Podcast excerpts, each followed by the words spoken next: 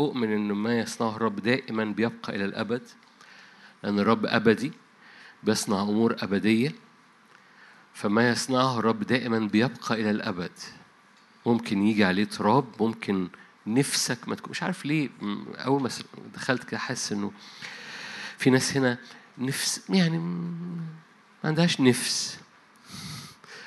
القصة مش نفس الحياة ورا الرب مش نفس. الحياة ورا الرب الذين العابدون الحقيقيون بيعملوا إيه؟ بيعبدوا بالروح لأن الروح دايما ليه نفس. فاكرين في ليلة جسيماني؟ ما كانتش ليلة خفيفة كانت ليلة تقيلة. وكتير ما بقاش عندهم نفس أنا بحكي معاكم كتير ما بقاش عندهم نفس لأن العدو رامي حاجة تقفل النفس. فالعدو يقوم رامي حاجة تقفل نفسك علشان ما تتحركش ورا اللحظة أو الوقت أو الإعلان أو ال- العطش الرب اللي بيحطك قدام سكيب الرب. لأن عطشك بيحطك قدام سكيب الرب. طوبى للجياع والعطاش. لأنهم بيشبعون لأنه بيتحطوا عطشهم بيحطهم في المكان قدام المعجزة. فالعدو يقوم رامي حاجة ملهاش نفس على نفسك فيبقى ملكش نفس. فما تتحطش قدام الحتة اللي الرب يسكب فيها معجزته. مراحم الرب ونعمة الرب أمينة جدا أمينة جدا. فكتير رب ب ما بين قوسين بدقة جدعنة يوم ساكب بمراحم حتى لو ملكش نفس بس مقاصد الرب إنه لما يعمل كده هو بيجذب انتباهك لأكتر. بيجذب انتباهك لعطش أكتر لنعمة أكتر لمعجزة أكتر مما تتخيل. لأنه الرب ال ال ال أخطر أخطر كلكم عارفين سمعتوني بقول الجملة دي من سنين بقولها أكبر عدو لملكوت الرب هو التدين اللي هو إيه؟ لك صورة تقوى لكن تنكر القوة. إن منظر بس مش شرط إن الموضوع يوصل للآخر يعني هنصلي من أجل الشفاء بس مش للآخر. يعني هنصلي من أجل الشفاء بس مش مش مش شرط. هنصلي من أجل المعجزة بس مش شرط. هو هو الموضوع مش مش شرط ولا شرط.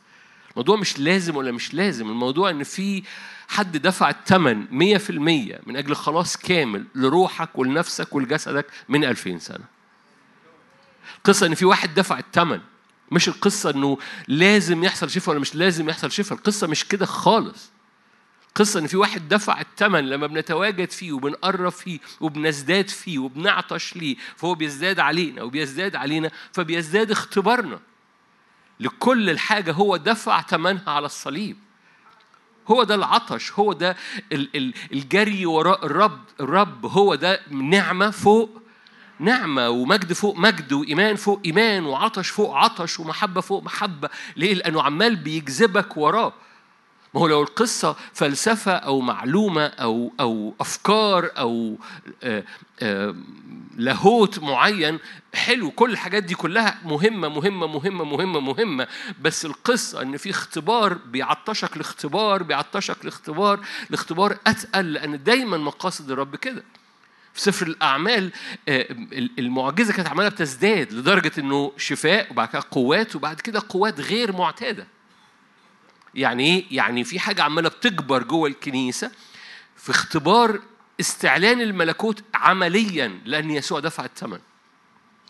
كل ما العطش بتاعنا بيزداد كل ما بنتواجد في المكان اللي بنختبر فيه معجزة بتزداد. احتياطي أقول الجملة دي مرة تاني كل ما عطشنا للنعمة النازلة بيزداد كل ما اختبارنا لمعجزة بيزداد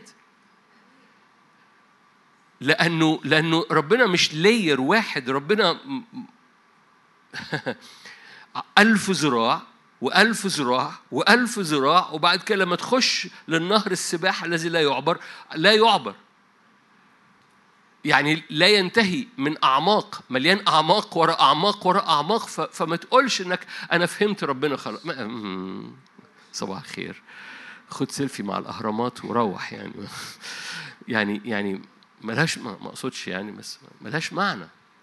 في حاجة عميقة وراء الرب بتاخدك إلى حاجات أعمق وراء الرب والاختبارات أعمق وراء الرب. فدائما اعطش دائما توقع معجزة. تقول لي مسكت التليفون ليه؟ أقول لك مسكت التليفون عشان أقرأ لك اختبار. أنا حذرتكم هنبتدي نقرأ اختبارات لأنه اختبار من المؤتمر. سلام يسوع أحب أشاركك باختبار حصل معايا في مؤتمر أنطاكيا الأخير. كنت بعاني من ارتجاع مريء لأكثر من شهرين. الرسالة دي من أمريكا.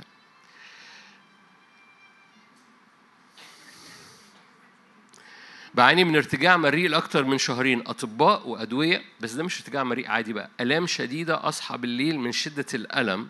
دخلت مستشفى أدوية ما نفعتش معايا خالص. حضرتك بتصلي للأمراض وأنا بصلي معاك خليت إيدي على معدتي وأنت بعضكم هتذكر الاجتماع ده وأنت بتقول استقبلها كتيار كهرباء. فاكرين؟ خليت إيدي على معدتي وأنت بتقول استقبلها كتيار كهرباء. كاتبة ز ز ز ز ز ز ومن تلك اللحظة إلى الآن مفيش أي ارتجاع ولا أي ألام ابتديت آكل وأنام كويس. أشكر يسوع اللي بيعمل. أشكر يسوع اللي بيعمل.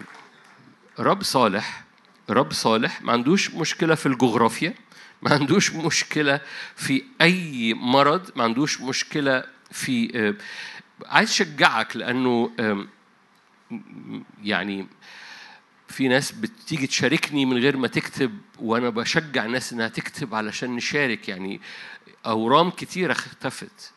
عايز أشجعك إن في حاجة رب يصنعها. وما يصنعه رب يبقى للابد فلما تاخد شفائك انقل الحجر إلى هنا نصرني الرب. البعض بيبقى خايف طب يمكن يرجع؟ أول ما يعمل الرب حاجة في جسدك قوم ناقل التخوم بتاعتك وقول أنا تخومي وصلت لهنا. إلى هنا نصرني الرب. وأنا بختم على تخومي بدم يسوع المسيح. عارف لما بتعمل كده بيحصل إيه؟ بتوقع عدو الخير تحت لعنة. لأن مكتوب كتاب مقدس رب خالق السماء والأرض بيقول ملعون من ينقل التخوم. فأنت قمت إعلنت إنك خدت أرض وامتلكت هذه الأرض لغاية هنا وقلت إلى هنا نصرني الرب وحطيت علامة بالدم. حد حد يجرؤ ينقل هذه التخوم.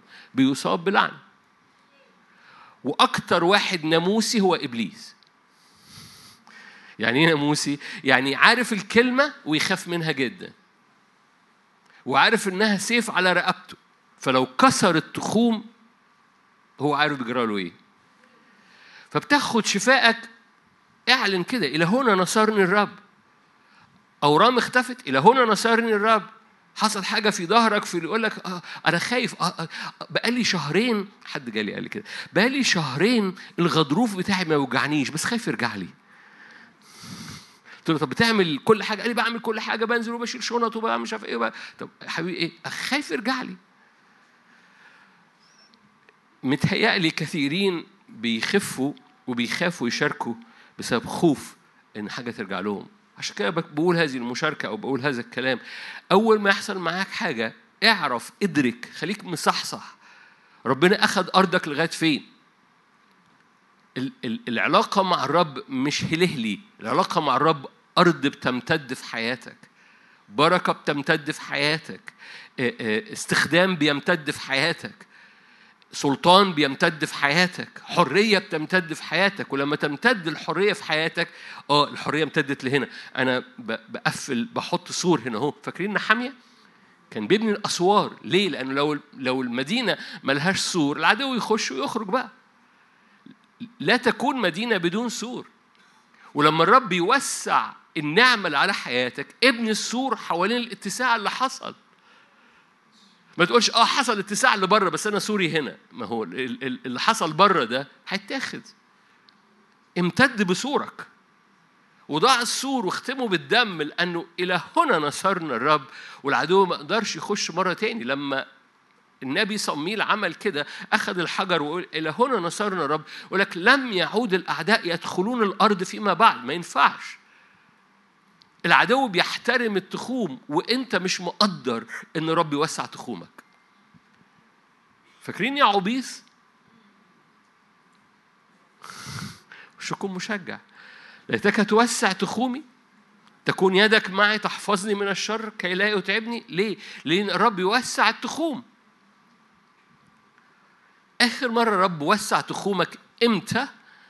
وبالظبط في أنهي حاجة؟ وكان صمت في السماء لمدة نص ساعة. أجب هذا السؤال. آخر مرة رب وسع تخومك وفي في إيه إيه الأمر اللي رب وسع تخومك فيه؟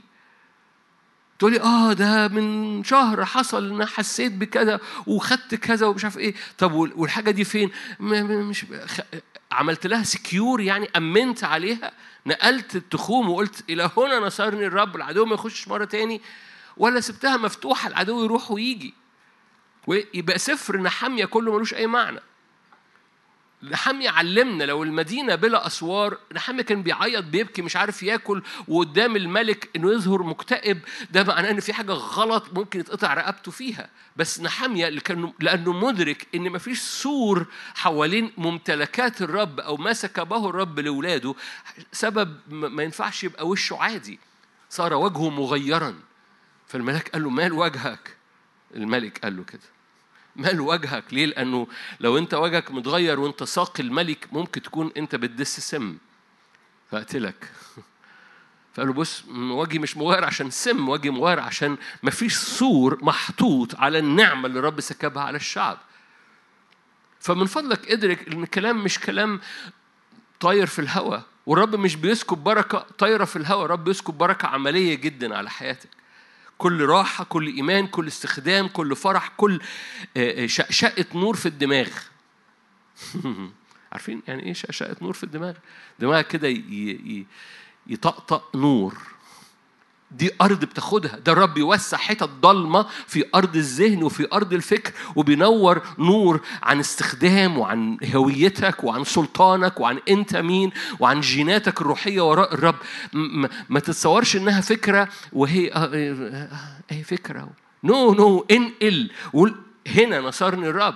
ما أعرفش عنك. أنا كتير ببقى لاني مدرك انه في دماغي حاجات كتيرة وفي امور حاجات كتيرة. اول ما بخلص حاجة اول ما بخلص قعدة ويكون الرب في وسطيها الرب قام مشقشق اعلان كلمني وأنا بكلم الاخرين. بقوم مخلص القعدة واقوم طالع كاتب في التليفون اللي هو قاله. ومروح البيت قبل ما أروح البيت ليه؟ لأن عارف ان ممكن في السكة أفكر في حاجات كتير أعملها وأنسى اللي هو قاله لي. وأول ما أروح البيت أقوم مطلع اللي أنا كتبته على التليفون ده وأقعد مصلي بيه لغاية لما أقفله. عارفين يعني إيه أقفله؟ يعني آخد وال والمفك وهم متبت عليه في أرض الإعلان في أرض قلبي فيبقى جزء من طبيعتي لأن الرب لما بيسكب حتى لو حق أو نور جوه ذهنك الرب ينقل أرضك ويقول لك أمن ده إلى هنا نصرك الرب. أمين. okay أنا دخلت عليكم جد قوي؟ إزيكم؟ أنتوا كويسين؟ يسوع بيحبكم. مؤتمر انبسطت في المؤتمر؟ طيب. okay.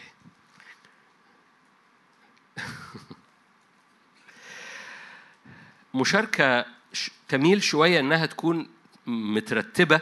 فشجعك بالمناسبة لما تروح إنك تطلع النقط الصغيرة لأنها مش مشاركة نبوية أو مشاركة روحية لكن مشاركة شوية فيها جزء من آه، معنى صغير جوايا جاي من جملة الرب شغلني بيها هبتدي بيها من آية في أشعية أشعية 37 وأقول لكم الجملة اللي الرب شغلني بيها. أشعية 37 آية صغيرة أنا هكون مركز مشاركة شوية فيها نقاط محددة. آية كلكم عارفينها. أشياء 37 وآية 31 يعود الناجون من بيت يهوذا الباقون ويحصل معهم حاجتين. الآية دي متكررة ثلاث مرات في كتاب مقدس. المعنى ده. يتأصلون إلى أسفل ويصنعون ثمرا إلى ما فوق هذا المعنى مكرر في كتاب مقدس زي ما قلت لك ثلاث مرات. يتأصلون إلى أسفل يعني في جذور عمالة بتضرب في الأرض وفي أغصان عمالة بتطلع لفوق. في نفس الوقت في حركتين منظرهم منظرهم عكس بعض بس الحركتين دول بيؤدوا إلى نوعية مختلفة في ولاد الرب. خلي بالك هو بيتكلم على إيه؟ بقية يعني الباقون. يعني يعني في نوعية عادي وفي نوعية بيحصل فيها الحركة العكس بعض دي. جذورها عمالة بتضرب وأغصانها عمالة بتطلع. وأنا لو منك أقول أنا نفسي أكون من دول. ليه؟ لأنهم بيبقوا ثابتين جدا ومثمرين جدا. ولأن الاتنين برغم إنهم عكس بعض بيتحركوا مع بعض أو الاتنين مهمين جدا هتكلم ببساطة برغم إن كل نقطة من اللي هتكلم فيها ممكن تبقى مشاركة أو سلسلة أو وات لكن لكن هتكلم عن الاتنين في نفس المشاركة عشان تبقى متجمعة جواك. لأن ربي يطلع نوعية نوعية من ال material بتاعتك من المادة بتاعتك من من النفسية بتاعتك والروح بتاعتك متأصلة جدا بجذور في الأرض. متأصلة جدا على النعمة ومتأصلة جدا على شجرة مغروسة على مجاري مياه. يتأصلون إلى أسفل يعني بيشربوا من مية عميقة جدا جذورهم عميقة جدا. لما تأتي الريح لما يأتي تموج المياه هم متثبتين جدا. مهما كانت الريح الشجرة أصيلة شجرة عميقة جدا. تشرب من مية عميقة لو جاء قحط قحط على الوش وجفاف على الوش هي لا تخاف لا تكف عن الإسمار ليه؟ لأن متأصلة إلى أسفل. ورب يطلع ناس زي كده جذورهم مضروبة لأعماق في الرب مهما حصل مهما حصل. مش قصبة تحركها الريح شجرة متأصلة إلى أسفل. وعلى الجانب الآخر في الاتجاه المضاد كأنه في الاتجاه المضاد أغصانها طالعة لفوق. أختنا حنة قالت معنا برضو آه، في صميل الأول أنتوا كويسين؟ أنا لو منك وأنا قاعد قوم حاطط إيدي على قلبي أقول يا رب أنا عايز أكون كده. أنا عايز أكون من الباقون اللي في شعب الرب اللي اللي رجليهم مثبته تحت وأغصانهم طالعة لفوق مثمرة. أنا عايز مهما حصل مهما حصل أنا مش مش قصبة بتحركها الريح. مهما حصل مهما حصل أنا مثبت في عرش النعم. مهما حصل. وأول ما ما ما تدرك ال ال إن الرب عايز يعمل هذه المعجزة في حياتك. بتستقبلها لأن عطشك ما هو العط... القصة مش سمعت الآية عطشك بيؤدي إلى المعجزة. أنا بتأصل إلى أسفل. واو. أنا شجرة مثمرة في بيت إلهنا. أنا زيتون عارفين الآيات دي؟ أنا زيتونة خضراء في بيت الرب. يعني زيتونة مثمرة. ده إدراك مهم جدا إنك انك إنك تفهم هو هو قلبه ليك إيه ولأن ده قلبه فهيحصل لو أنت عطشت. فاعطش اللي هو بيقول إيه. أختنا حنة في الترنيمة بتاعتها في صميل الأول. عارفين حنة رنمت؟ صلت حنة وقال فرح قلبي بالرب. صميل الأول صح اتنين.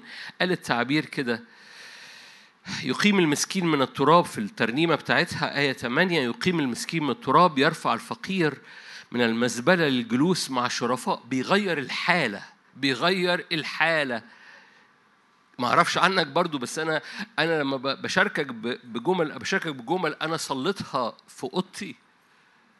بمعنى إيه؟ بمعنى إنك محتاج تاخد جملة زي يغير الحالة وهي دي الجملة اللي شرق اللي رشقة جوه قلبك وتستخدمها في اجتماع الصلاة أنت تغير الحالة وتدبدب برجلك لأنك عايز تغير الحالة تحت رجلك عايز تغير الحالة في أرضك عايز تغير الحالة في نفسيتك هو بيغير الحالة يقيم المسكين من التراب يرفع الفقير من المزبلة لجلوس مع الشرفاء يملكهم كرسي المجد ليه؟ لأن للرب إيه؟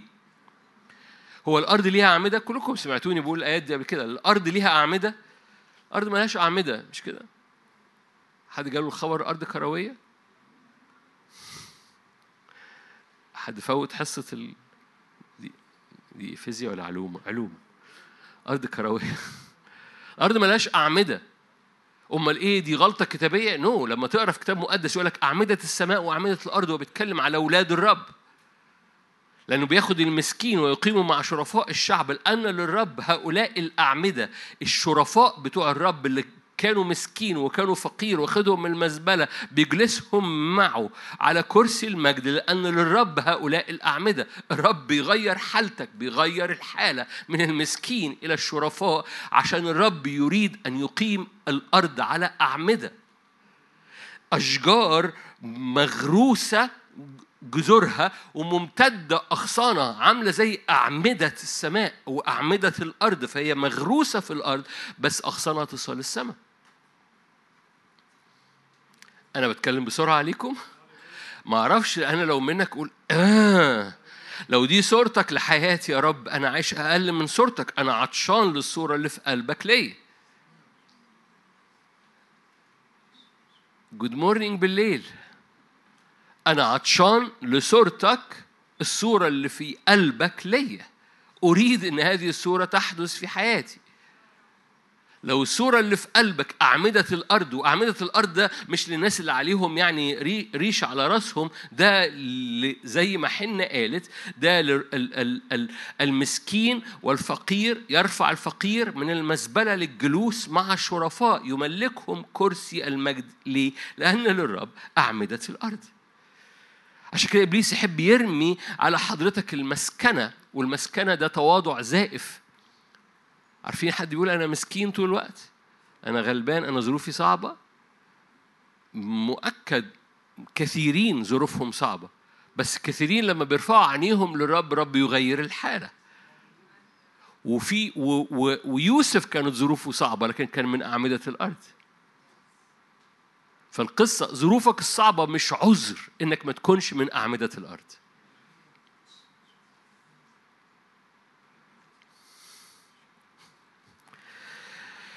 حماسكم أسرني.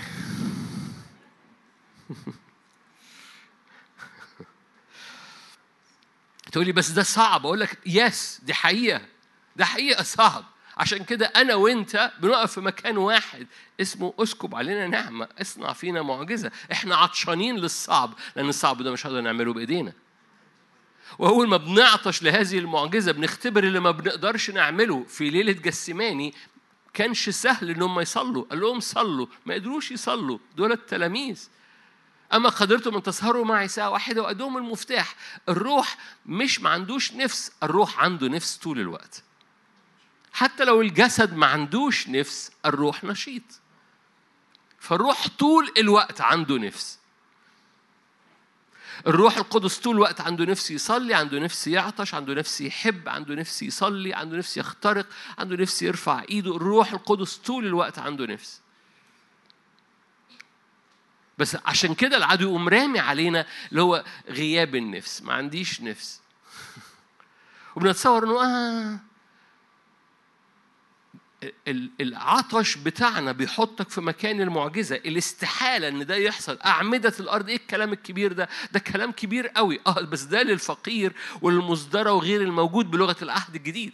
انظروا دعوتكم رب لم يختار الحكماء لم يختار الأقوياء رب اختار الضعفاء.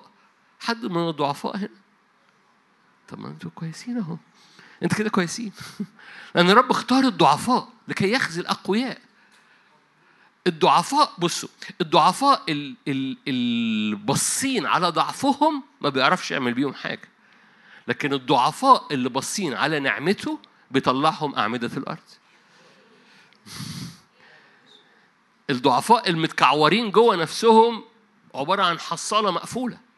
لكن الضعفاء اللي رافعين عينيهم لأنه ليس فينا قدرة لكن نحوك أعيننا بيختبروا هذه المعجزة اللي بتنقلهم إلى هذا المستوى إنه البقية عشان كده ده الباقون عشان كده دول دول دول ده, ده مش العادي. الباقون دول بيتأصلون إلى أسفل وبيطلعوا أغصانهم إلى فوق.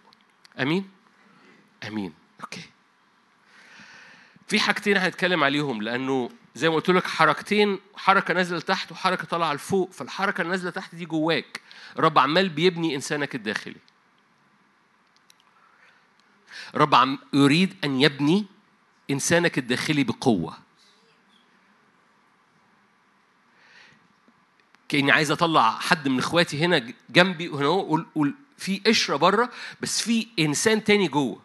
ممكن يكون أخويا طوله كده بس الإنسان الداخلي اللي جواه طوله كده. انه لسه ما كبرش. ممكن يكون طوله كده بس الإنسان الداخلي اللي جواه طوله كده. بحسب بنى الإنسان الداخلي اللي بيحصل جواك قوتك هو ده تتأصل إلى أسفل. ما أنت ما عندكش جذور يعني أنت مش شجرة. بس إنسانك الداخلي أو إنسان الروح بتاعك ده هو ده اللي بيتبني هو ده الجذور اللي بتتحفر جواك. والرب يريد أن يبني إنسانك الداخلي إنسان الروح اللي جواك بقوة غير عادية. عشان كده بيطلع أعمدة الأرض. كأني عايز أجي جنب حضرتك القاعة هنا متستفة بالظبط فما ينفعش أتحرك ما ينفعش حتى أنزل أنا كأني عايز أنزل وأوصل لحضرتك وأوصل لحضرتك وأحكي عيني في عينك وأحط إيدي على قلبك. واقول إنسانك الداخلي ده رب عمال بيديه صلابة عمال بيزداد فيه صلابة رب بيطلع نوعية مختلفة. وادرك إن كل ما إنسانك الداخلي بيتأصل كل ما أغصانك بتطلع لفوق. اغصانك بتطلع لفوق ده فرح. اغصانك بتطلع لفوق ده استجابات صلاة. ده شفاءات عمالة بتحصل يمين وشمال. تروح تزور ماما وتقعد معاها والدتك تقول لك أنا كنت تعبانة تمسك إيديها تخف. مش بتفكر أنت القصة إنك متأصل إلى أسفل فأغصانك لو دي أغصانك تمسك إيد ماما تخف. فأنا بكلم الشباب. اللي هو كلكم يعني من سبعة ل 77 ففي في حاجة بتحصل لما إنسانك الداخلي تزداد القوة فيه كل ما تتأصل إلى أسفل. هناك نتيجة كأنها مساوية في المقدار لكن مضادة في الاتجاه إن أغصانك ترتفع. من شفاء من حرية من فرح من من استجابات للصلاة. استجابات للصلاة. أنتوا عارفين أنتوا عارفين بعضكم نسي يعني إيه استجابات للصلاة وفرح استجابة الصلاة؟ وشكم بيثبت الجملة اللي أنا قلتها برغم إنه كنت منتظر إنك تقولي لا أنا بختبر استجابات صلاة. كل صلوة بصليها استجابة. المفروض كل صلوة تصليها استجابة. إحنا ده, ده إحنا دمنا تقل بشكل. ما أقصدش يعني أنتوا يعني بقول إحنا. يعني عارفين يعني إيه دمنا تقل؟ يعني يعني يعني بقينا بنصلي و و و و وخلاص. مقاصد الرب إنه إن كل صلوة تصليها استجابة. أغصان مثمرة.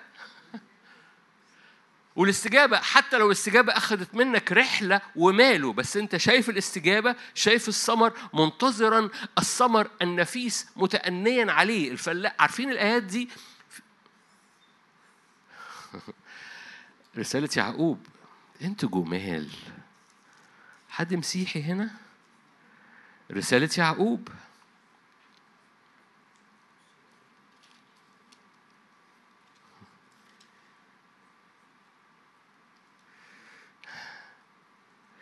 يعقوب خمسة. تأنوا أيها الإخوة تأنوا أيها الإخوة. تأنوا ده يعني انتظروا بإيمان. انتظروا بإيمان. تأنوا أيها الإخوة. وذا الفلاح ينتظر. ثمر الأرض. يعقوب خمسة سبعة. أنا قلت ولا ما قلتش؟ أوكي. يعقوب خمسة سبعة. وهذا الفلاح ينتظر ثمر الأرض الثمين متأنيا عليه حتى ينال المطر مبكر ومتأخر. يعني إيه الفلاح؟ شايف ثمر الأرض قبل ما يحصل فبيتأنى. هو يعني هو بيصلي بس هو شايف الثمر شايف الاستجابة. ولأنه شايف الاستجابة بياخد مطر مبكر ومطر متأخر عشان يضمن ثمره. فرب مرة تاني بيحط بيضع إيده على الداخل عشان إنسانك الباطن ده بيتأصل بقوة بي بي بي بي بيملى من من شحن روحي وقوة روحية داخلية علشان كل ما بيزداد عمق وقوة إنسانك الداخلي كل ما بيزداد ثمرك الخارج باستجابات. ثلاث نقط إزاي تبني إنسانك الداخلي؟ حد عنده نفس؟ أخت واحدة. ثلاث نقط. كيف تبني إنسانك الداخلي؟ ده عنوان ممكن يبقى عنوان كتاب. كيف تبني إنسانك الداخلي؟ إيه لو بنيت إنسانك الداخلي في صلابة داخلية جواك يا أرض نهدي دي مش آية. بس أنا أوصل لك المعنى. كل ما يزداد إنسانك الداخلي صلابة وقوة كيف تبني إنسانك الداخلي؟ بتزداد ثبات رجليك على الأرض. تعبر في الأرض كملك. ليه؟ لأن إنسانك الداخلي مبني. ما هو لو إنسانك الخارجي منظره يجنن وأنت جوه هش أنت هش. عندك علام إيه عندك فلوس إيه عندك شكل إيه عندك مظهر إيه وإنسانك الداخلي هش عمره كده فأنت هش. ما عندكش ولا حاجة من الحاجات دي بس إنسانك الداخلي مبني فأنت صخرة. عشان كده الفقير ينقل الفقير ويجلسوا مع شرفاء الشعب لأن الرب أعمدة الأرض. لو أنت متصور ان أعمدة الأرض ده تعبير رمزي في سفر اشعيا نو no. بولس الرسول لما آمن راح أورشليم عشان يضع إنجيله أمام الأعمدة. الأعمدة دول كانوا بطرس. ويستعمل بولس الرسول عن التلاميذ الرسل ال 12 اللي كانوا موجودين في كيس أورشليم إن هم أعمدة. إذا تعبير أعمدة على أولاد الرب مش تعبير غريب. okay. أول نقطة في بناء إنسانك الداخلي سفر الخروج 34 أنتوا كويسين؟ okay. خروج 34 خروج 34 أول شيء يبني إنسانك الداخلي هو تواجدك أمام روح الرب وجه الرب طبيعة الرب المغيرة. بمعنى إيه؟ بمعنى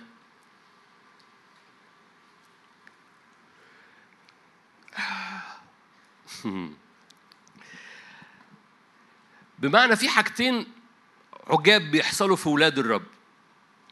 البعض بيعتمد إنه بيحضر اجتماعات فما بيفكرش ياخد رحلة شخصية هو قدام الرب في البيت.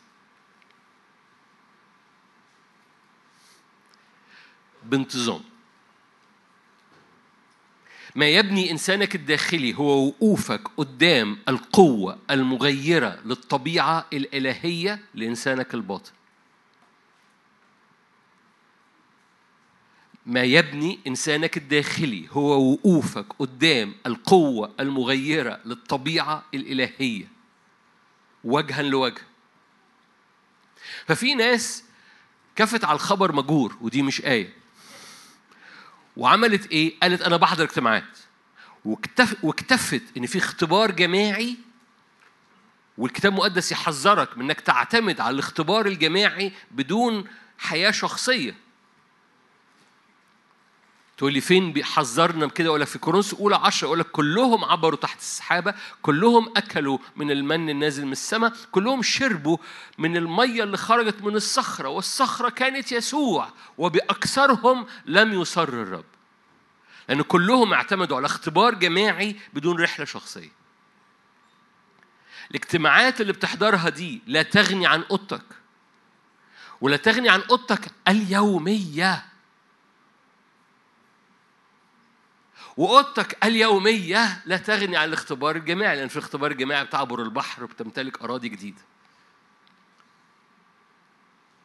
بس اوعى وهنا الخطورة إنك تعتمد على الاختبارات الجماعية. أنا كنت حاضر اجتماع وكان رهيب حلو قوي. وبعدين ربنا جميل. أوكي بس ده مش بديل لرحلتك الشخصية. في رحلتك الشخصية بقى اوعى. عارف كثيرين مننا بطلوا رحلتهم الشخصية في الأوضة ليه؟ اليومية لأنها بقت بالنسبة لهم مملة. ليه لأنها بقت مملة؟ لأنه هو بقى بيعمل حاجات اتعود عليها والحاجات دي ما بتعملش فعلا تغيير حقيقي. ما يبني إنسانك الداخلي هو وقوف روحك قدام القوة المغيرة للطبيعة الإلهية. بمعنى إيه؟ بمعنى هتقرأ هتسبح هتسجد هتنطرح على السجادة هترفع إيدك في وسط الأوضة هتنزل إيدك ايا كان. القصة هو هل وجه الآب هل وجه الآب مدفي مدفي بمعنى مقرب بناره لقلبك في أي حاجة أنت بتعملها. افهمني صح. لو سجدت فالنار بتاعت وجه حضوره ضعفت بطل تسجد.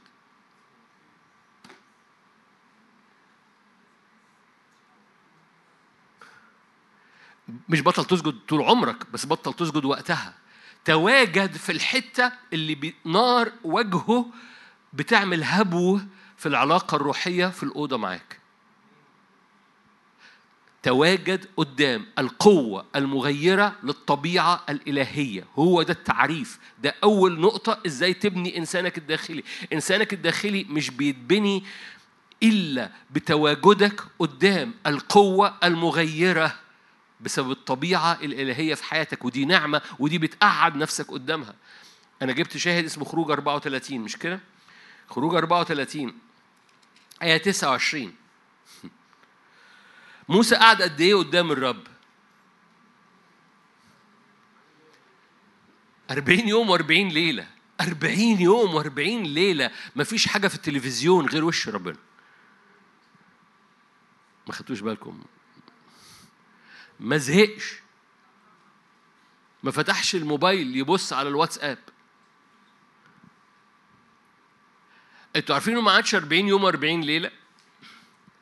وقعد 40 يوم 40 ليلة ونزل بحجرين كسرهم تحت. فطلع بحجرين هو حافرهم وقعد 40 يوم و40 ليلة يعني قعد 80 في الآخر.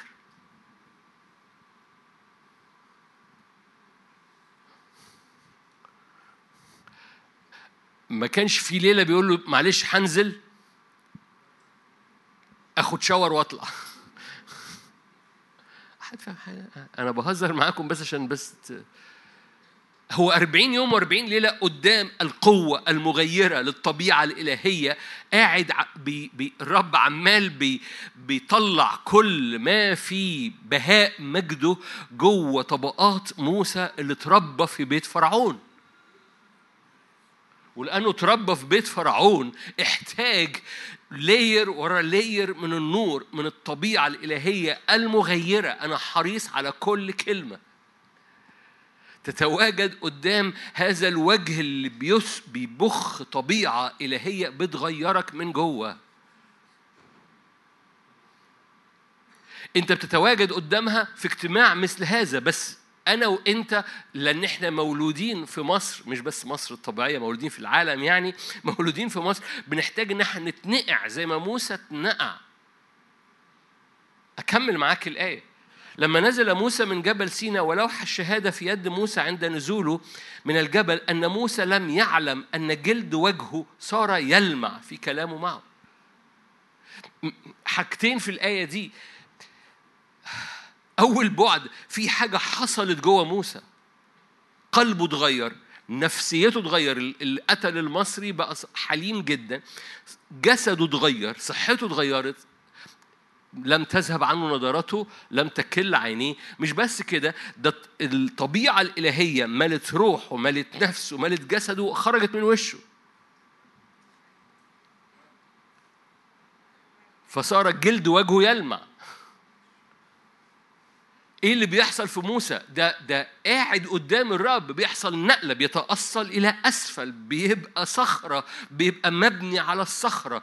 الإنسان الداخلي بيقوى بناء الإنسان الداخلي. نمرة واحد هو التواجد المستمر. مش اجتماعات بس. المستمر قدام قوة مغيرة للطبيعة الإلهية بتغير طبيعتنا. ودي معروضة لحضرتك في الأوضة ومحدش يقدر يسلبها منك إلا أنت قلبك المرفوع. لأنه شال الحجاب ما بينك وبين الرب انشق الحجاب. قلبك المرفوع قدام وجه الرب. فاكرين لما قال موسى أتكلم معه وجها؟ لو نسيت أي حاجة تذكر هو أنا هو أنا وأنا ساجد قدام وجه الآب ولا وجه الآب راح مني؟ وأنا وأنا بقرأ في الكلمة قدام وجه الآب ولا وجه الآب راح مني لو وجه الآب راح مني وأنا بقرأ في الكلمة هرفع راسي. لو رفعت راسي وقدام وجه الآب بس بعد شوية سرحت وابتديت أفكر في هناكل إيه النهارده نزل وجهك على الكلمة وابتدي أقرأ في الكلمة لغاية لما استمر ورا وجه الآب ايا كان اللي أنت بتعمله. وأقعد كده شوية. ده بيعمل إيه؟ إدرك الهدف. أنت بتبني إنسانك الداخلي. أنتوا هنا؟ أوكي أشكرك يا رب. تاني نقطة في بناء إنسانك الداخلي رسالة يعقوب. رسالة يعقوب مربوطة بالنقطة نمرة واحد بس بس لازم أحطها لوحدها. لأن في النقطة نمرة واحد هو هو وقوف إنسانك قدام هذه القوة المغيرة.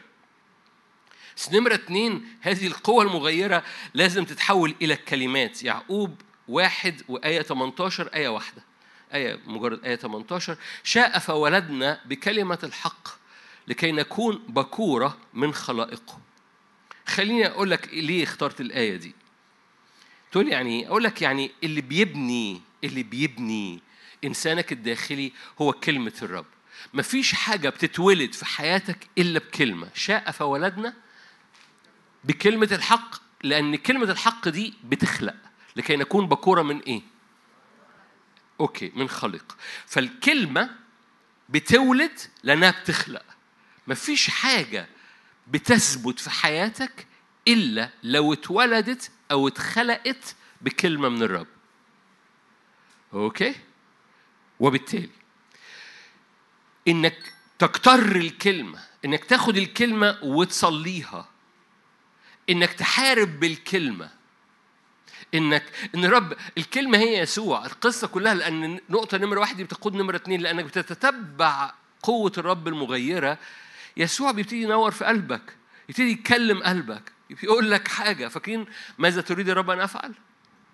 يقول لك كلمة هذه الكلمة بتولد وبتخلق فيك وبتقوي إنسانك الباطن.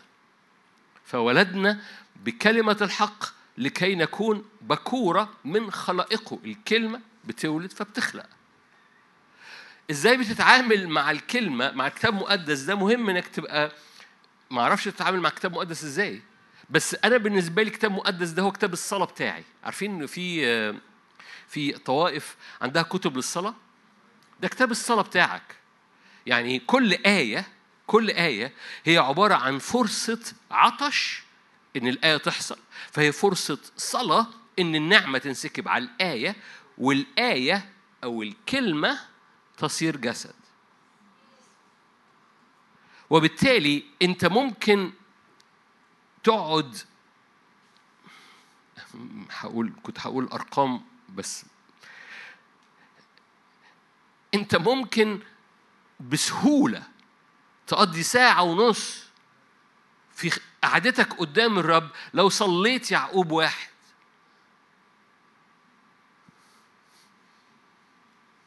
أصل في كتير يقول أنا هقعد أعمل إيه؟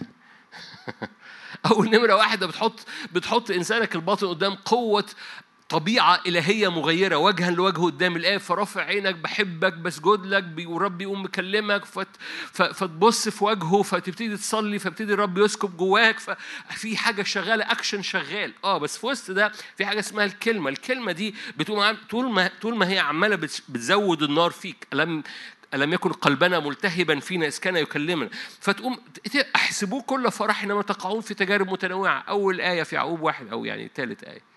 حلو قوي إيه أخبار؟ دي صلوة؟ دي صلوة. دي مش آية تقراها. ده كتاب الصلاة بتاعك. هي آية تاخدها وتقوم واخدها قدام الرب لأنه كل آية تعطش من أجلها بتتحول إلى صلوة من أجل نعمة هذه المعجزة.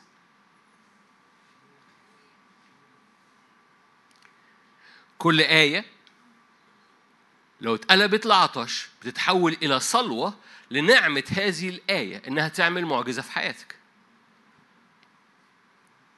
القداسة التي بدونها لن يرى أحد الرب، إيه الأخبار؟ نقراها جميل. أو مش هيحصل. أو أنا عارفني. أو دي آية جميلة ملهاش وتعمل شكاية على ضمير القداسة اللي بدونها لن أحد الرب عشان كده ما بشوفش حاجة. بس. لكن في حد يقول ما هو ما هو ما فيش حاجة في الكلمة دي إلا ما هتحصل من خلال معجزة. لو عطشت من أجلها في نعمة تحصل. فآخد الآية دي وأقول يا رب أنا أريد أن أراك. أنا مخلوق عشان أراك. أنا موجود عشان أشوفك. أنت قلت تروني. ولاني مخلوق عشان أراك. أنت لازم تعمل فيا معجزة اسمها القداسة لأن بدون القداسة مش هشوفك. فزود القداسة في حياتي. اسكب نارك عليا اسكب نارك على حياتي على ذهني على أفكاري على طريقي. بعد كده في نقاط ضعف في ثعالب صغيرة بتخش تفسد. الكرم اللي في حياتي. فبدي أصلي من أجل الثعالب الصغيرة تعالى إلمس بيدك ده الأمر ده والأمر ده والأمر ده. لأن هم دول اللي بي... بيضعفوا حياتي هم ده اللي بيصر... بيدخلوا مية باردة في حياتي. فأنا بطلب إنك تلمس دي بمعجزة وتلمس الأمر ده بمعجزة وتلمس الوقت ده بمعجزة. لأني أنا أريد إنك تحيط أرضي كلها بنار. يا رب ده الهيكل بتاعك كله نار. وتجد تجد نفسك عمال بتكر في صلاة من آية واحدة اسمها القداسة التي بدون لن أحد. يرى الرب بدل ما تعيش شكاية الآية بتعيش معجزة الآية. Are you here؟ وبالتالي كتاب الصلاة بقى أهو. لأن كتاب الصلاة لما بتصلي بحسب مشيئة الرب نعلم أننا الطلبات التي نصلي من أجلها لأننا بنصلي بحسب إيه؟ مشيئة الرب. فالكلمة وأنا عطشان ليها بتصير جسد. الكلمة وأنا بصليها وعطشان ليها النعمة بتنسكب لكي تصير جسد متتجسد في حياتي. أنتوا جمال جمال. آخر حاجة تكوين 22 في النقطة دي إزاي بتبني إنسانك الداخلي؟ نمرة واحد تتواجد قدام الطبيعة المغيرة لحياتك الروحية. الطبيعة تتواجد وجها لوجه قدام الطبيعة المغيرة لإنسانك الباطن. موسى كان قدام الرب لمدة 40 يوم. ده حاجة بتحصل يوميا ده بتديها وقت. بمعنى إيه؟ بمعنى إنك بتقعد في مكان في أوضتك تحت تحت السرير، أنا بستعمل هذا التعبير لأن في مرة حد قاله لي قال لي أنا واقع جدا، أنا مش أنا مش بنام مش بركع جنب السرير أنا بركع تحت السرير، قلت له ممتاز هو بيجي لك تحت السرير. ما عندوش مشكلة إنه يجي لك تحت السرير. الفكرة إنك تحت السرير بس قدامه لأن إذا فرشت في الهاوية أين أذهب من روحك؟ حتى لو أنا فارش في الهاوية وجهه تكوين 22 فأول نقطة تواجد قدام طبيعة إلهية مغيرة نمرة اتنين كلمة الرب هي الحاجة الوحيدة اللي بتولد كلمة الرب بتولد وبتخلق فيك فاعطش وصليها مش كلمة رب مش مش من الكلمة بس وكلمة رب اللي بيقولها لك مباشرة اللي بتاخدك عنده. تكوين 22 إبراهيم عمل حاجة. دي آخر نقطة في بناء إنسانك الداخلي. أنت حطيت نفسك قدام طبيعة مغ... طبيعة إلهية مغيرة. قعدت قدام الكلمة نمرة بقى ثلاثة الطاعة بتاعتك للكلمة بتختم على قوة إنسانك الباطن. تكوين 22 كلكم عارفين إبراهيم عمل إيه؟ مد إيده آية عشرة مد إبراهيم يده وأخذ السكين ليذبح ابنه. فناداه ملاك الرب من السماء قال إبراهيم إبراهيم قال ها أنا ذا قال لا تمد يدك إلى الغلام لأني الآن علمت أنك خائف الله فلم تمسك ابنك وحيدك عني. أكتر حاجة بتبني إنسانك الداخلي إن إنسانك الداخلي أنت لسه ما خرجتش من الأوضة أنت لسه بتتأثر لسه. إنسانك الداخلي يوم واضع خطة الطاعة.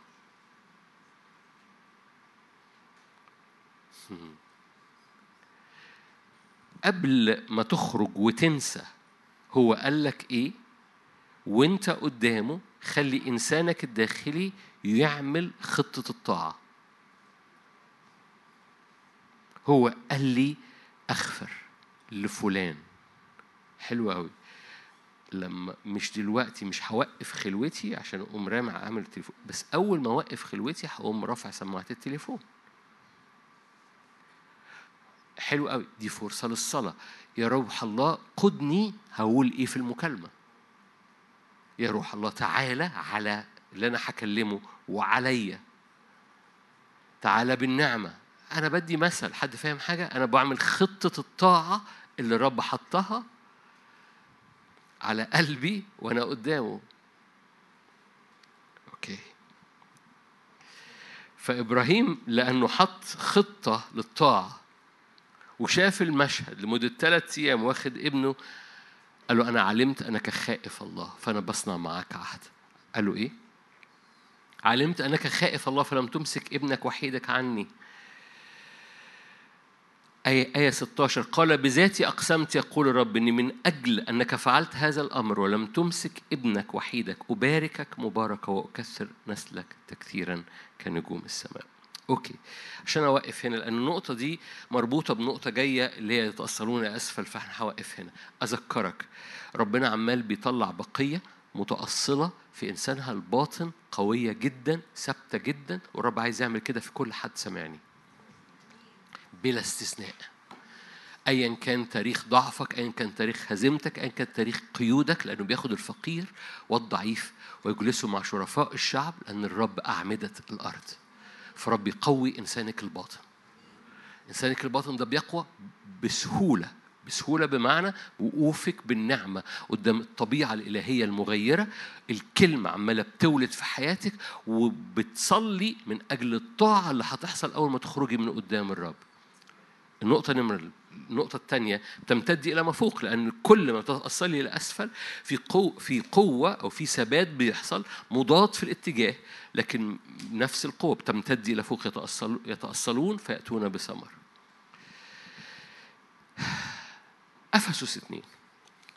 امتداد إلى فوق. فدلوقتي مش جذور بقى متأصلة ده أغصان طالعة مثمرة. هقول هروح حتة كده عملية أكتر. أفسس اتنين أنتوا هنا؟ معايا يعني. طيب. أفسس اتنين حضرتك بتقعد قدام الرب القوة المغيرة دي كل يوم. إيه الخطوة نمرة اتنين بتاعتك؟ تطلع ثمر إلى فوق. تطلع ثمر إلى فوق ده إيه؟ ده أجواءك. أفسس 2 في آية كلكم عارفينها. إذ كنتم أمواتا بالذنوب والخطايا أفسس 2 سلكتم فيها قبلا حسب ظهر هذا العالم حسب رئيس سلطان الهواء. ده مين؟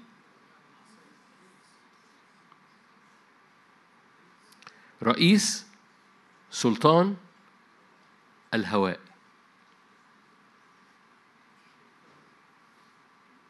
أوكي.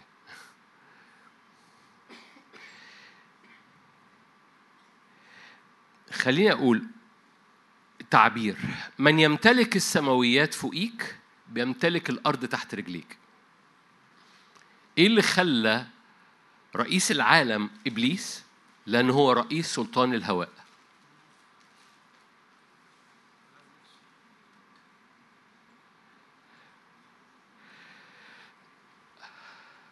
من يمتلك السماويات فوقيك بيمتلك الأرض تحت رجليك. إيه اللي خلى إبليس رئيس الأرض؟ اللي خلاه رئيس الأرض. عارفين رئيس الأرض؟ الرسول يوحنا في الرسالة الأولى في صح خمسة بعد سبعين سنة من الفدا قال رئيس هذا العالم إبليس.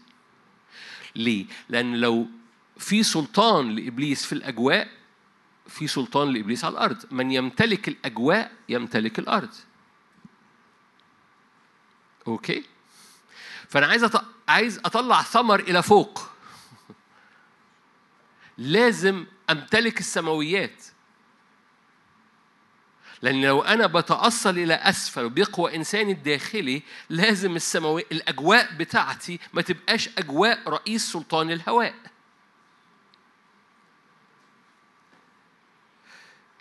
أنا متشجع جدا. إنجيل لوقا ساعة عشرة إنجيل لوقا ساعة عشرة تقولي ده صعب قوي اللي أنت بتقوله ده يعني إيه هعمل إيه بالظبط؟ حلو قوي.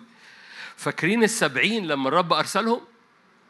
السبعين لما الرب أرسلهم ده كان قبل سكيب الروح القدس قبل سكن الروح القدس يعني حضرتك عندك الإمكانية أكتر من السبعين رجع السبعين بفرح قائلين يا رب حتى الشياطين لوقا 10 17 رجع السبعين بفرح قائلين يا رب حتى الشياطين تخضع لنا باسمك قال لهم يسوع إيه رأيت الشيطان؟ رئيس سلطان الهواء في الحتة اللي انت رحتوها وقع. ليه؟ لأن اللي بيملك السماوات بيملك الأرض. وهم لما راحوا قال له بص حتى الشياطين كانت تخضع لنا باسمك. قال لهم تهلل يسوع بالروح. ليه؟ لأن الأجواء اللي فوقيكم اتغيرت فامتلكتوا الأرض تحتيكم فالشياطين خضعت ليكم. ليه؟ لأنه رئيس سلطان الهواء لما إبليس بيمسك ال ال الأجواء بيمسك الأرض. لو إبليس ساقط كالبرق من السماء الأرض بقت مفتوحة ليكم.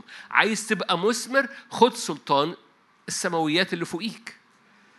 يعني ده دم يسوع ده اسم يسوع ده عبادة يسوع اللي خارجة من قلبك في البيت اللي خارجة من قلبك. كل منطقة الرب بيديها لك من في نطاق صلاحيتك كبيتك كخدمتك كأولادك. أنت عندك الصلاحية إنك تمتلك السماويات فتمتلك الأرض اللي تحت السماء دي. من يمتلك السماء يمتلك الأرض.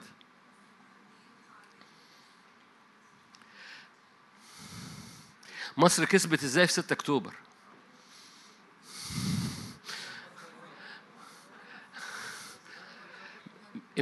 امتلكت السماويات فوق خط بارليف. آه، آه، أنتوا ما بتتفرجوش على التلفزيون؟ منظركم مش وطنيين زي. أخويا عمال يقول ضربة جوية. القصة مش الضربه الجويه القصة إنه هي الضربه الجويه زي ما أخويا قال. مش ال ال ال ال ال امتلكوا السماوات الطيارات عبرت ودكت. امتلكوا السماوات فامتلكوا الأرض. بتوع أول ما تمتلك الأجواء بتمتلك الأرض اللي تحتيها ده قوانين طبيعية.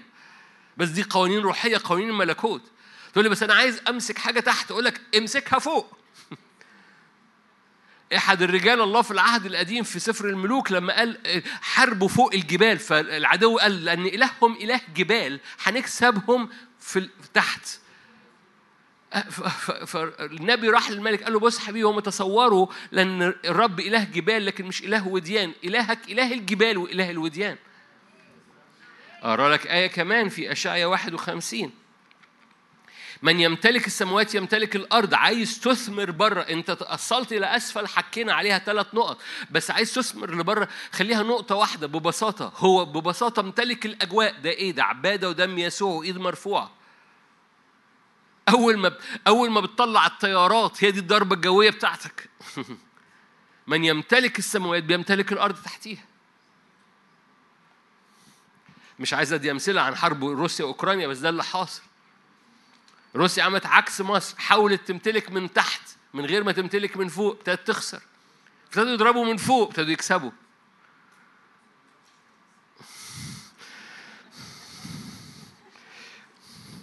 كفاية كده يعني مش معقول اخش معاكم. اشعيا 51 اشعيا 51 آية 16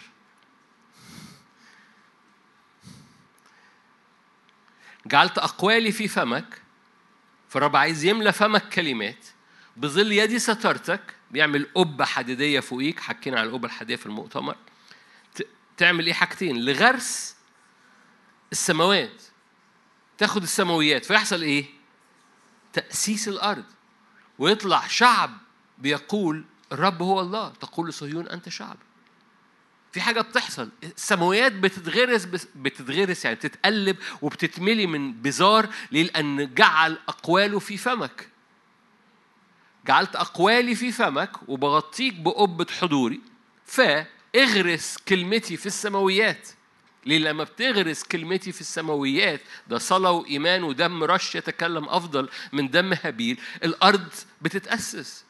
من يمتلك السماوات عايز تمتلك في الأرض امتلك الأجواء. رئيس سلطان الهواء قال له بصوا لما اتحركتوا أنتوا يا سبعين رأيت الشيطان ساقط كالبرق من السماء امتلكتوا الأرض. مش لازم رئيس سلطان الهواء يبقى رئيس سلطان الهواء في بيتك. انت اللي مخليه مستمر في بيتك نزله مش مكانه. حتى أمين. أمثال 22 أمثال 22 أختم بهذه الآية. امتلك السماويات تمتلك الأرض. أربط القوي تنهب أمتعته. لما تعمل كده بقى ما تخافش. أختم بهذه الآية. أمثال 22 آية رب شغلني بيها طول الأسبوع الحقيقة.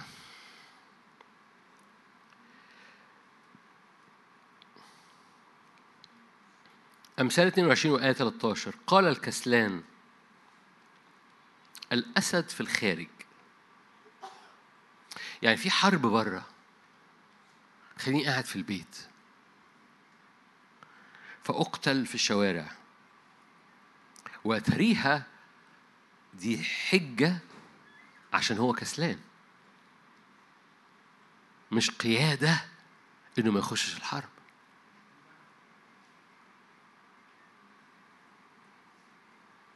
ألو؟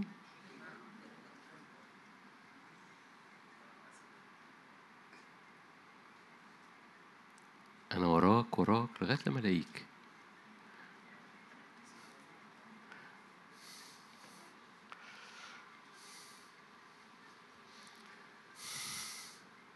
قال الكسلان في تليفون بيرن بس ما قال الكسلان الأسد في الخارج. فأقتل في الشوارع فأنا مش هخرج للشا... للخارج مش هخرج للشارع عشان في أسد بره. هتفهم حاجة؟ أصل لو خرجت أخدم افرض يحصل حاجة. لو رحت كلمت فلان افرض يحصل حاجة. الأسد في الخارج. حبيبي الأسد أصلا مكانه في الخارج. لو أنت تصورت إن الأسد في الخارج خليني قاعد في البيت عمرك ما هتخرج من البيت.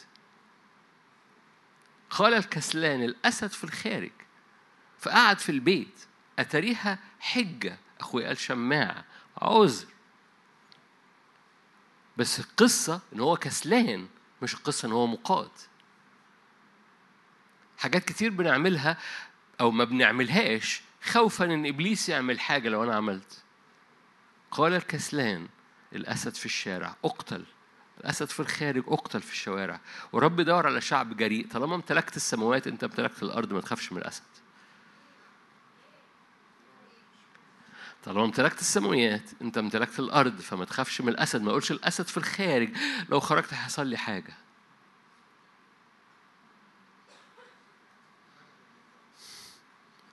لأن اللي بيقول كده مش مقاد اللي بيقول كده كسلان. لو خرجت هيحصل لي حاجة لأن الأسد في الشارع. حلو قوي أنت مدعو إنك تقتل الأسد. عبدك قتل الأسد والدب. أنت مدعو إنك تخرج في الشارع. ليه؟ لأنك امتلكت في السماوات وتمتلك الأرض. فبتبقاش كسلان. خلي أغصانك تنمو إلى فوق. فتتأثر للأسفل بيحصل بناء لإنسانك الداخلي وبيحصل قوة وامتلاك في أجواءك بتخليك تمتلك أرضك. فما فكون جريء. كون جريء لأن الرب يريد أن يصنع بيك أمور كثيرة مرة تاني وفي آخر هذا الاجتماع أريد أن أؤكد رب يريد أن يمسح ويستخدم صلواتك وخدمتك بمسحة جديدة. رب يريد أن يعمل ترقية في خدمتك وفي أرضك تكون مثمرة جدا. فبيبني إنسانك الداخل تكون أغصانك مثمرة من كل جهة. مش مقاصد الرب إن في صلوة واحدة ما يحصلش ليها استجابة. رب يريد أن يشفي يريد أن يحرر يريد أن يخلص يريد أن يستخدم كل حد فيكم. البعض هنا موجود عنده أهل وعنده ناس وعنده زيارات وعنده أصدقاء عندهم مرض وعندهم اكتئابات وعندهم أحزان ورب يريد أنك ما تحط إيدك على قلب الشخص وحط إيدك على كتف الشخص وامسك إيد الشخص وتشجع امتلك في السماوات وخلي أغصانك تنتشر خلي صوابعك تخش وتنتشر وتستمر. وتلمس وتصلي وتمسك وت وت وت وتبارك وت وت وت وت وترجع الأوضة تتأصل إلى أسفل وتخرج بره تمتد أغصانك وترجع الأوضة تتغير طبيعتك وتملى في الكلمة وعمال بتولد حاجات وتخرج بره تتأصل وت وت وتمتد أغصانك وتصير مثمرة. طب الغصن ده مش مثمر قوي. حلو قوي. ترجع الأوضة وتتأصل زيادة. فالغصن ده يأتي بثمر ولا تكف عن الإثمار. أن مقاصد الرب كل خدمة موصلة هنا أو بتسمعنا تزداد ثمرها وتزداد مسحتها هذه الأيام. أمين؟ خلينا نصلي مع بعض.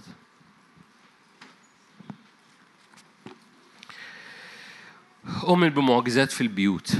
أؤمن بمعجزات في العلاقات. أؤمن بمعجزات في الشفاءات. أؤمن بالرب الذي يجول يصنع خيرا ويمسح بمسحة الرب القدوس إيديك وحياتك وإيمانك باسم الرب يسوع. أؤمن بالرب اللي يجول كنار آكلة يقدس ويملأ ويفرح ويخترق قدامك باسم الرب يسوع. يا روح الله تعالى املى هذا المكان. مد إيدك معايا روح الرب رف في هذا المكان. املى هذا المكان من مجدك من حضورك. روح الله قدس بروح القداسة. شعلة نار على راس كل حد هنا. شعلة نار على راس كل حد هنا. مجدك يملى المكان. باسم يسوع. أؤمن أؤمن أؤمن أؤمن. زيارات ملائكية على البعض هنا. أؤمن بعينين مفتوحة لكي تبصر. ملائكة صاعدة ونازلة على أيديك الممدودة. يسوع قال من الآن ترون ملائكة صاعدة ونازلة على ابن الإنسان. من الآن ترون ملائكة صاعدة ونازلة على ابن الإنسان. يا روح الله تعالى على كل إيدين ممدودة على كل قلوب عطشانة. اسكب نارك.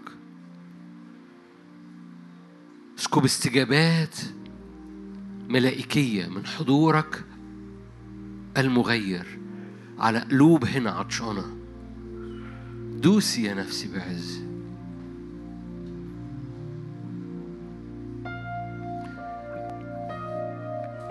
أرى شعب خارج وجوههم صلبة.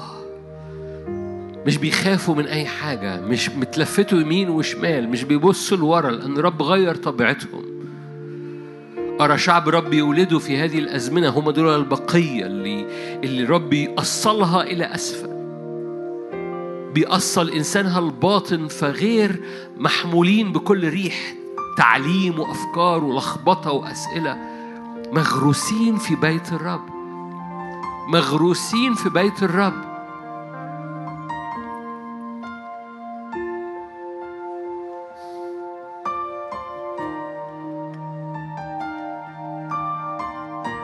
شجرة مغروسة عند مجاري المياه. روح الحياة عصارة الروح القدس بتعبر فيهم. بتثبت بتثبت إنسانهم الباطن. فمش عارف عنك قول له ثبتني. ثبتني ثبت نفسي الداخلية اللي بتضطرب وبترجع ثبت عينيا متثبتة عليك ثبت أفكاري وثبت قلبي ثبت تكريسي وثبت عبادتي. تعالى ضع إيدك بمعجزة. انقل طبيعتي انقل طبيعتي بطبيعتك أنت المغيرة. هللويا. ضع إيدك على قلبك. قول يا رب املى الهيكل ده املى الهيكل ده. بطبيعة إلهية شركاء الطبيعة الإلهية. املأني بطبيعة إلهية مغيرة. إنساني الباطن يقوى. صلي بالروح صلي بالذهن لأن ده بيبني نفسك بيبني نفسك. باسم الرب يسوع امتلك أراضي جوة. إنسانك الباطن كل ضعف كل هزال كل خزي كل صور قديمة. رب عمال بيغسلها وبيمسح من عينيك الصور القديمة اللي مليانة. ويضع صور مليانة مجد ومليانة قوة ومليانة نعمة باسم الرب يسوع.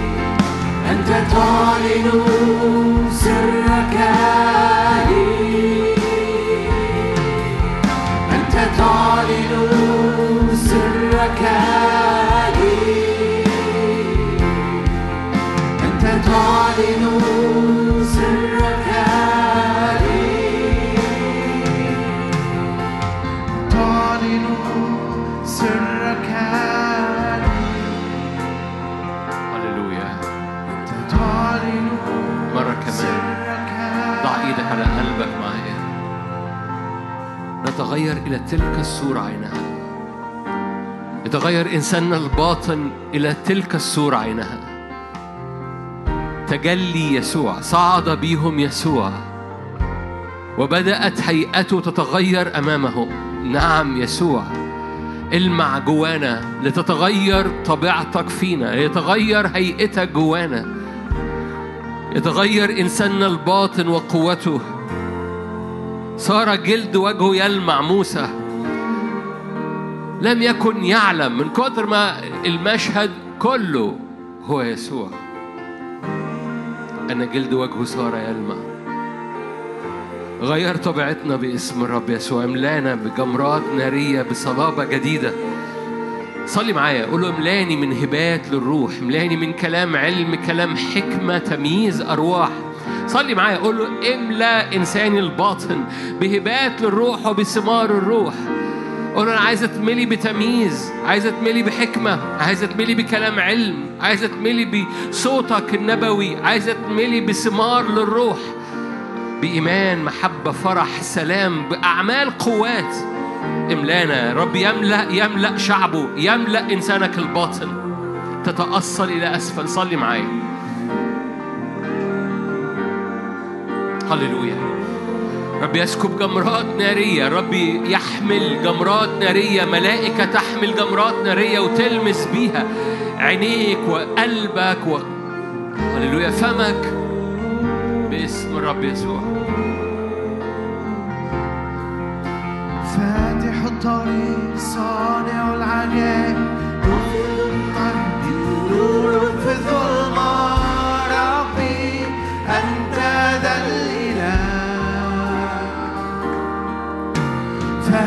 فاتح الطريق صانع العجائب حافظ العهد نور في الظلمة. ربي أنت ذا الإله. لا يعصر عليه أمر فاتح الطريق صانع العجائب حافظ العهد نور في الظلمة. ربي أنت ذا الإله. زيارة بالروح القدس. فاتح الطريق صانع العجائب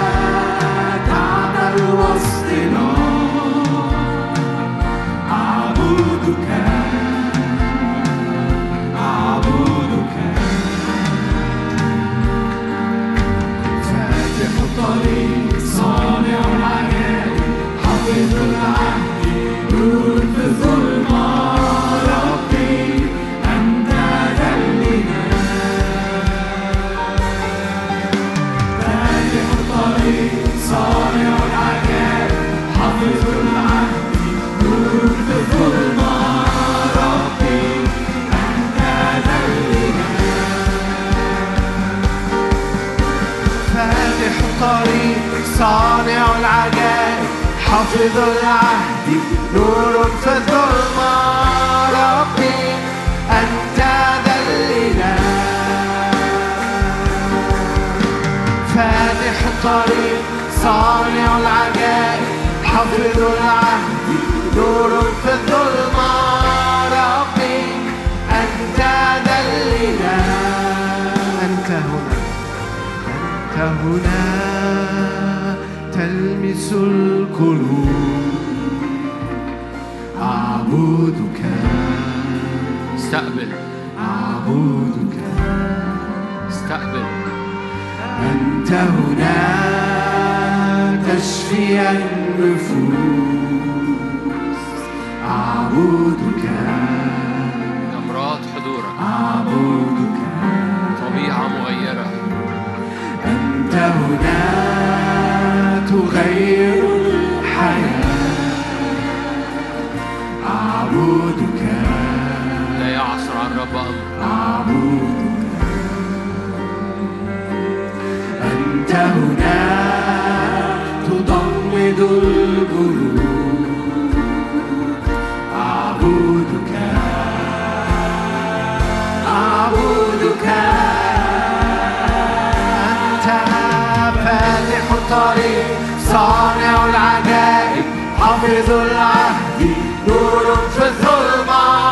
ربي أنت وجهي ضابي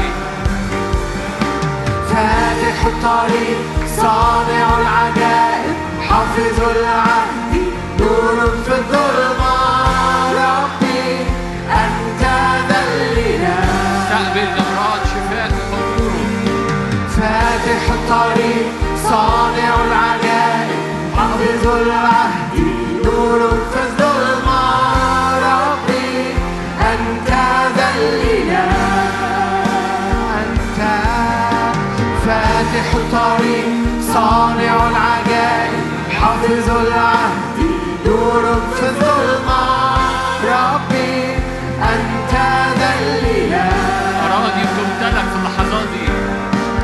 فاتح الطريق صانع العجائب.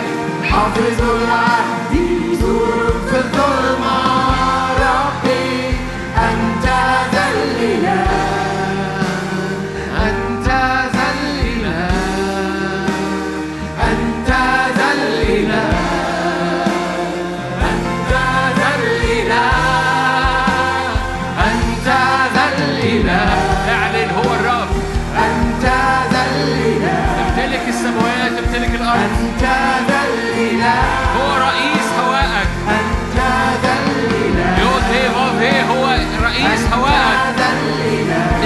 استبدل السلطان اللي في أجواءك. ارفع إيدك قاعد أو واقف أو في البيت.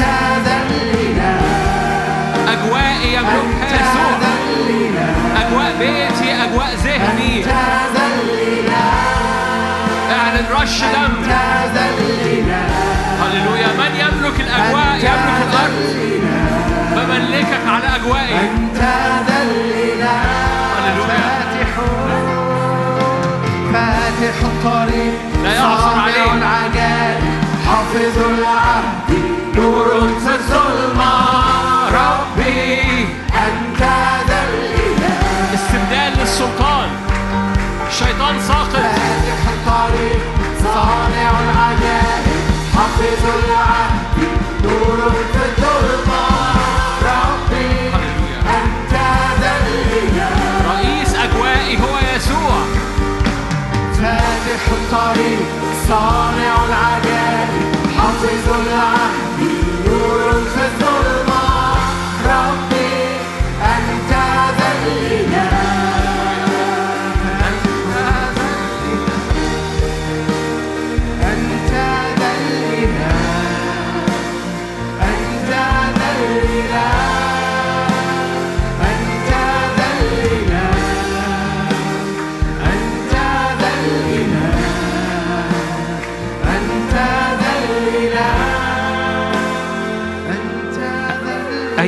اللي أنت جيت بيه هذا الاجتماع.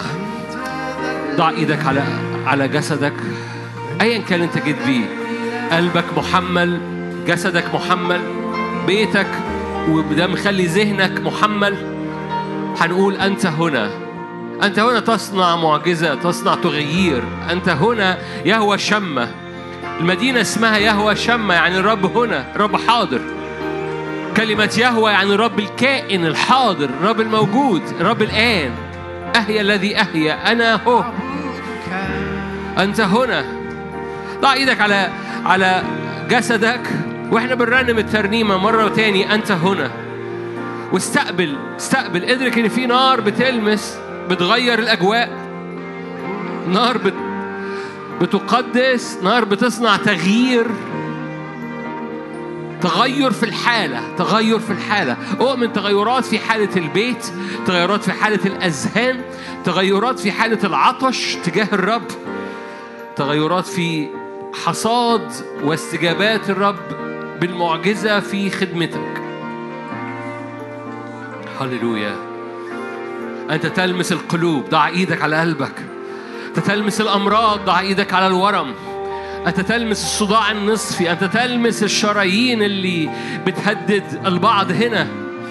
أنت تلمس. مش بس كده أنت تلمس الخدام بنار. الجاعل ملائكته رياحا وخدامه لهيب نار. أنت تلمس. أنت تفتح الأبواب. ارتفعت الأبواب الدهرية. أنت تشق البحار باسم الرب يسوع. نحوك أعيننا. أنت هنا. اسمك يافي يا دي فافي يو دي فافي الرب الحاضر.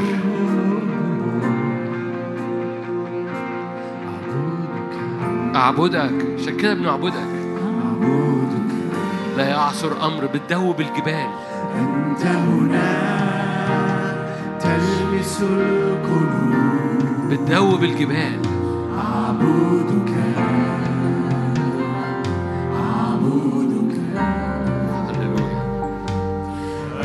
هنا تشفي النفوس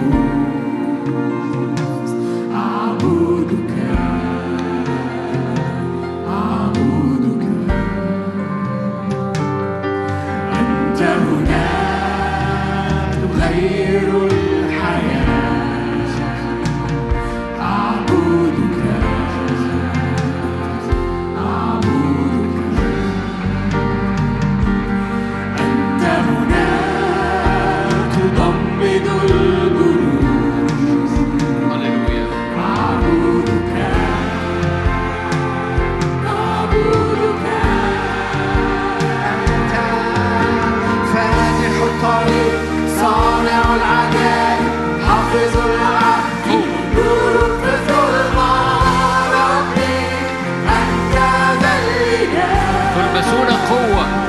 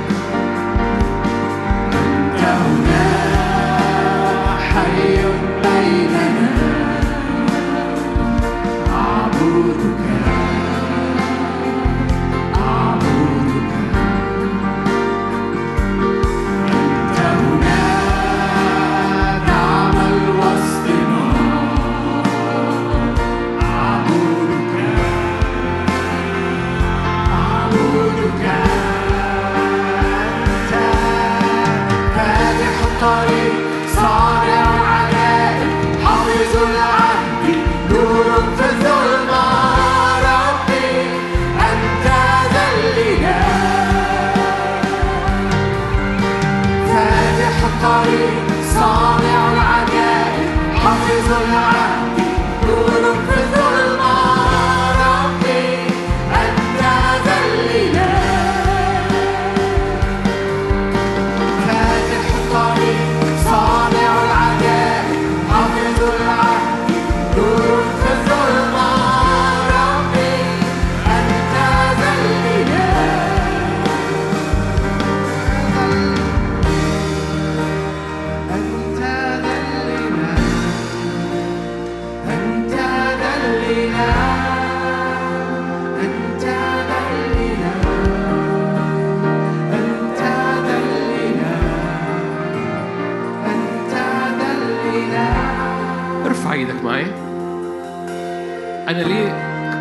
استمريت في الترنيمة لأني كنت شايف إن رب يدي أراضي تمتلك وإحنا بنعبد الترنيمة دي.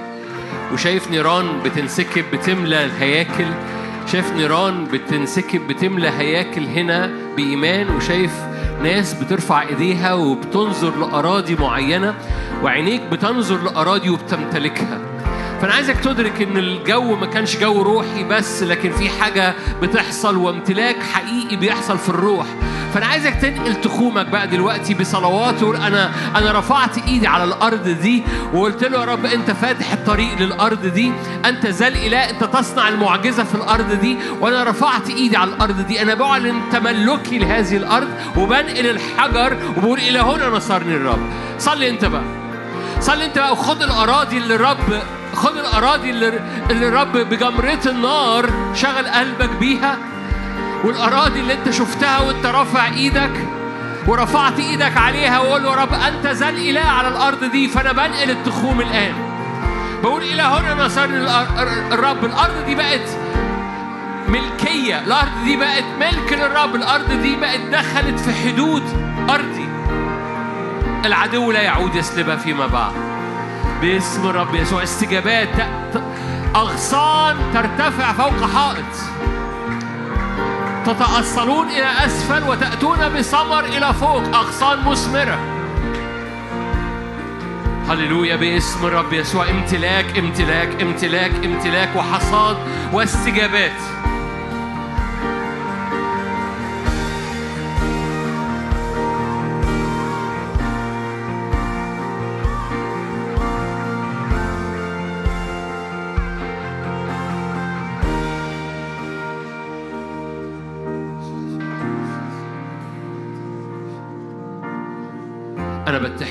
كل قلوب هنا نظرت إلى أراضي ورفعت الإيد عليها لكي تمتلكها وراء الرب. كل أراضي في مقاصد الرب وفي مشيئة الرب إنك تمتلكها. أراضي حرية أراضي امتداد أراضي مجد أراضي قداسة أراضي استخدام أراضي مثمرة أراضي من ثمار وهبات الروح القدس أراضي من تثبيت الدعوة في حياتك. فارفع إيدك معايا مرة كمان لما ما زال ما زال العرض مفتوح لحضرتك لامتلاك. يسوع دفع الثمن.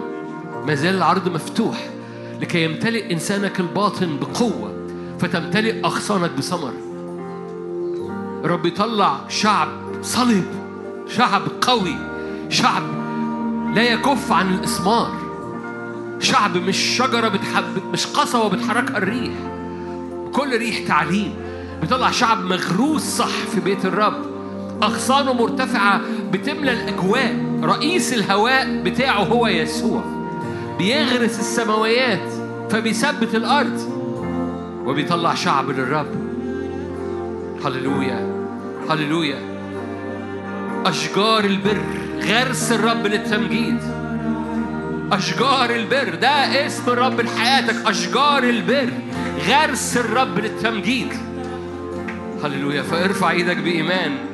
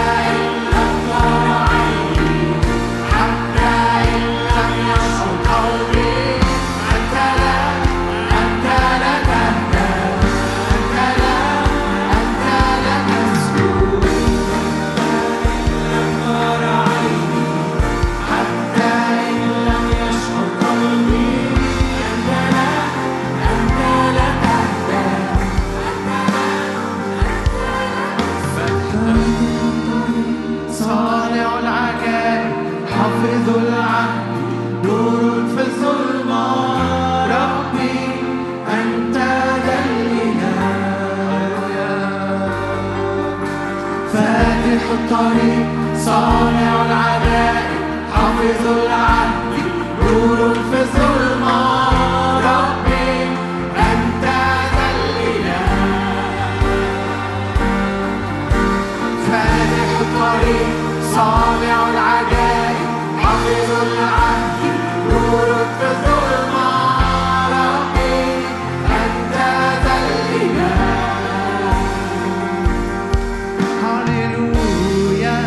Hallelujah, hallelujah, hallelujah.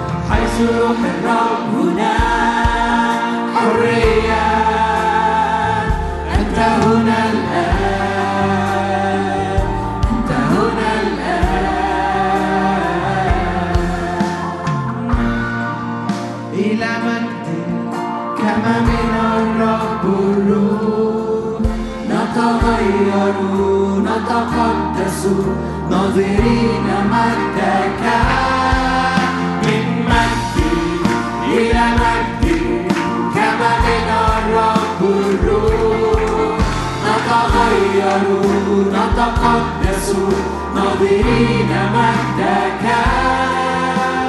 نعلن حرية لكل منصور.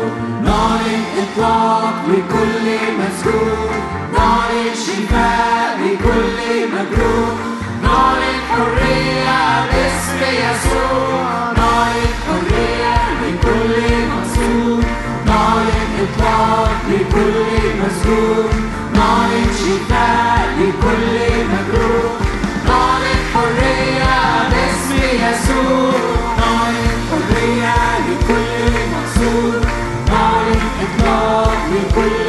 You. new.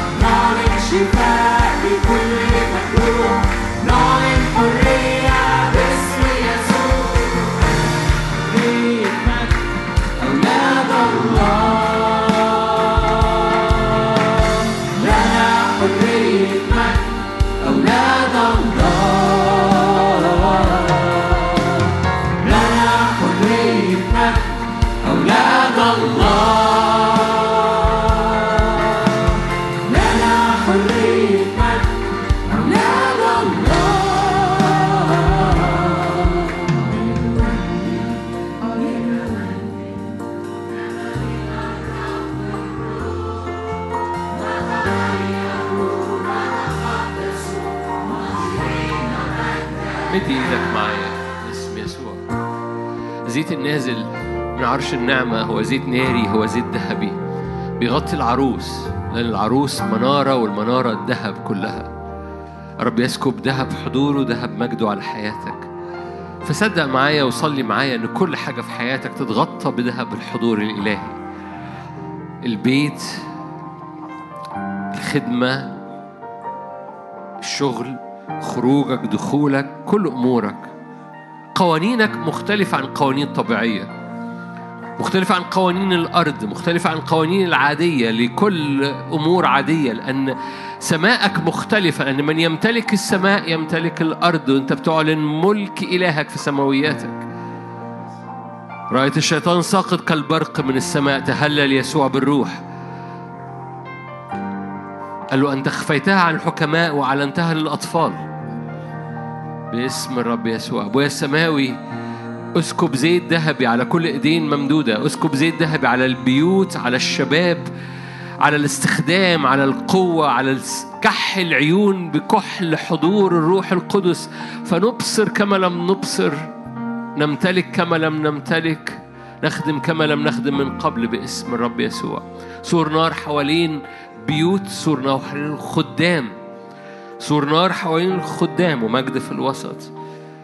في نهاية هذا الاجتماع أريدك أنك ترفع إيدك معايا طلبة خاصة نصليها مع بعض من أجل البلد. باسم الرب يسوع. كل مؤامرة لإبليس تفضح. كل مؤامرة إرهابية ضد هذه البلد تفضح باسم الرب. قبل ما تحصل تفضح باسم الرب يسوع. أي مؤامرة لإبليس ضد هذه البلد تفضح؟